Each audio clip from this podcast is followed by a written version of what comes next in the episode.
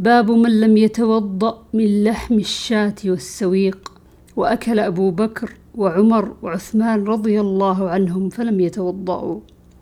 عن عبد الله بن عباس أن رسول الله صلى الله عليه وسلم أكل كتف شاة ثم صلى ولم يتوضأ.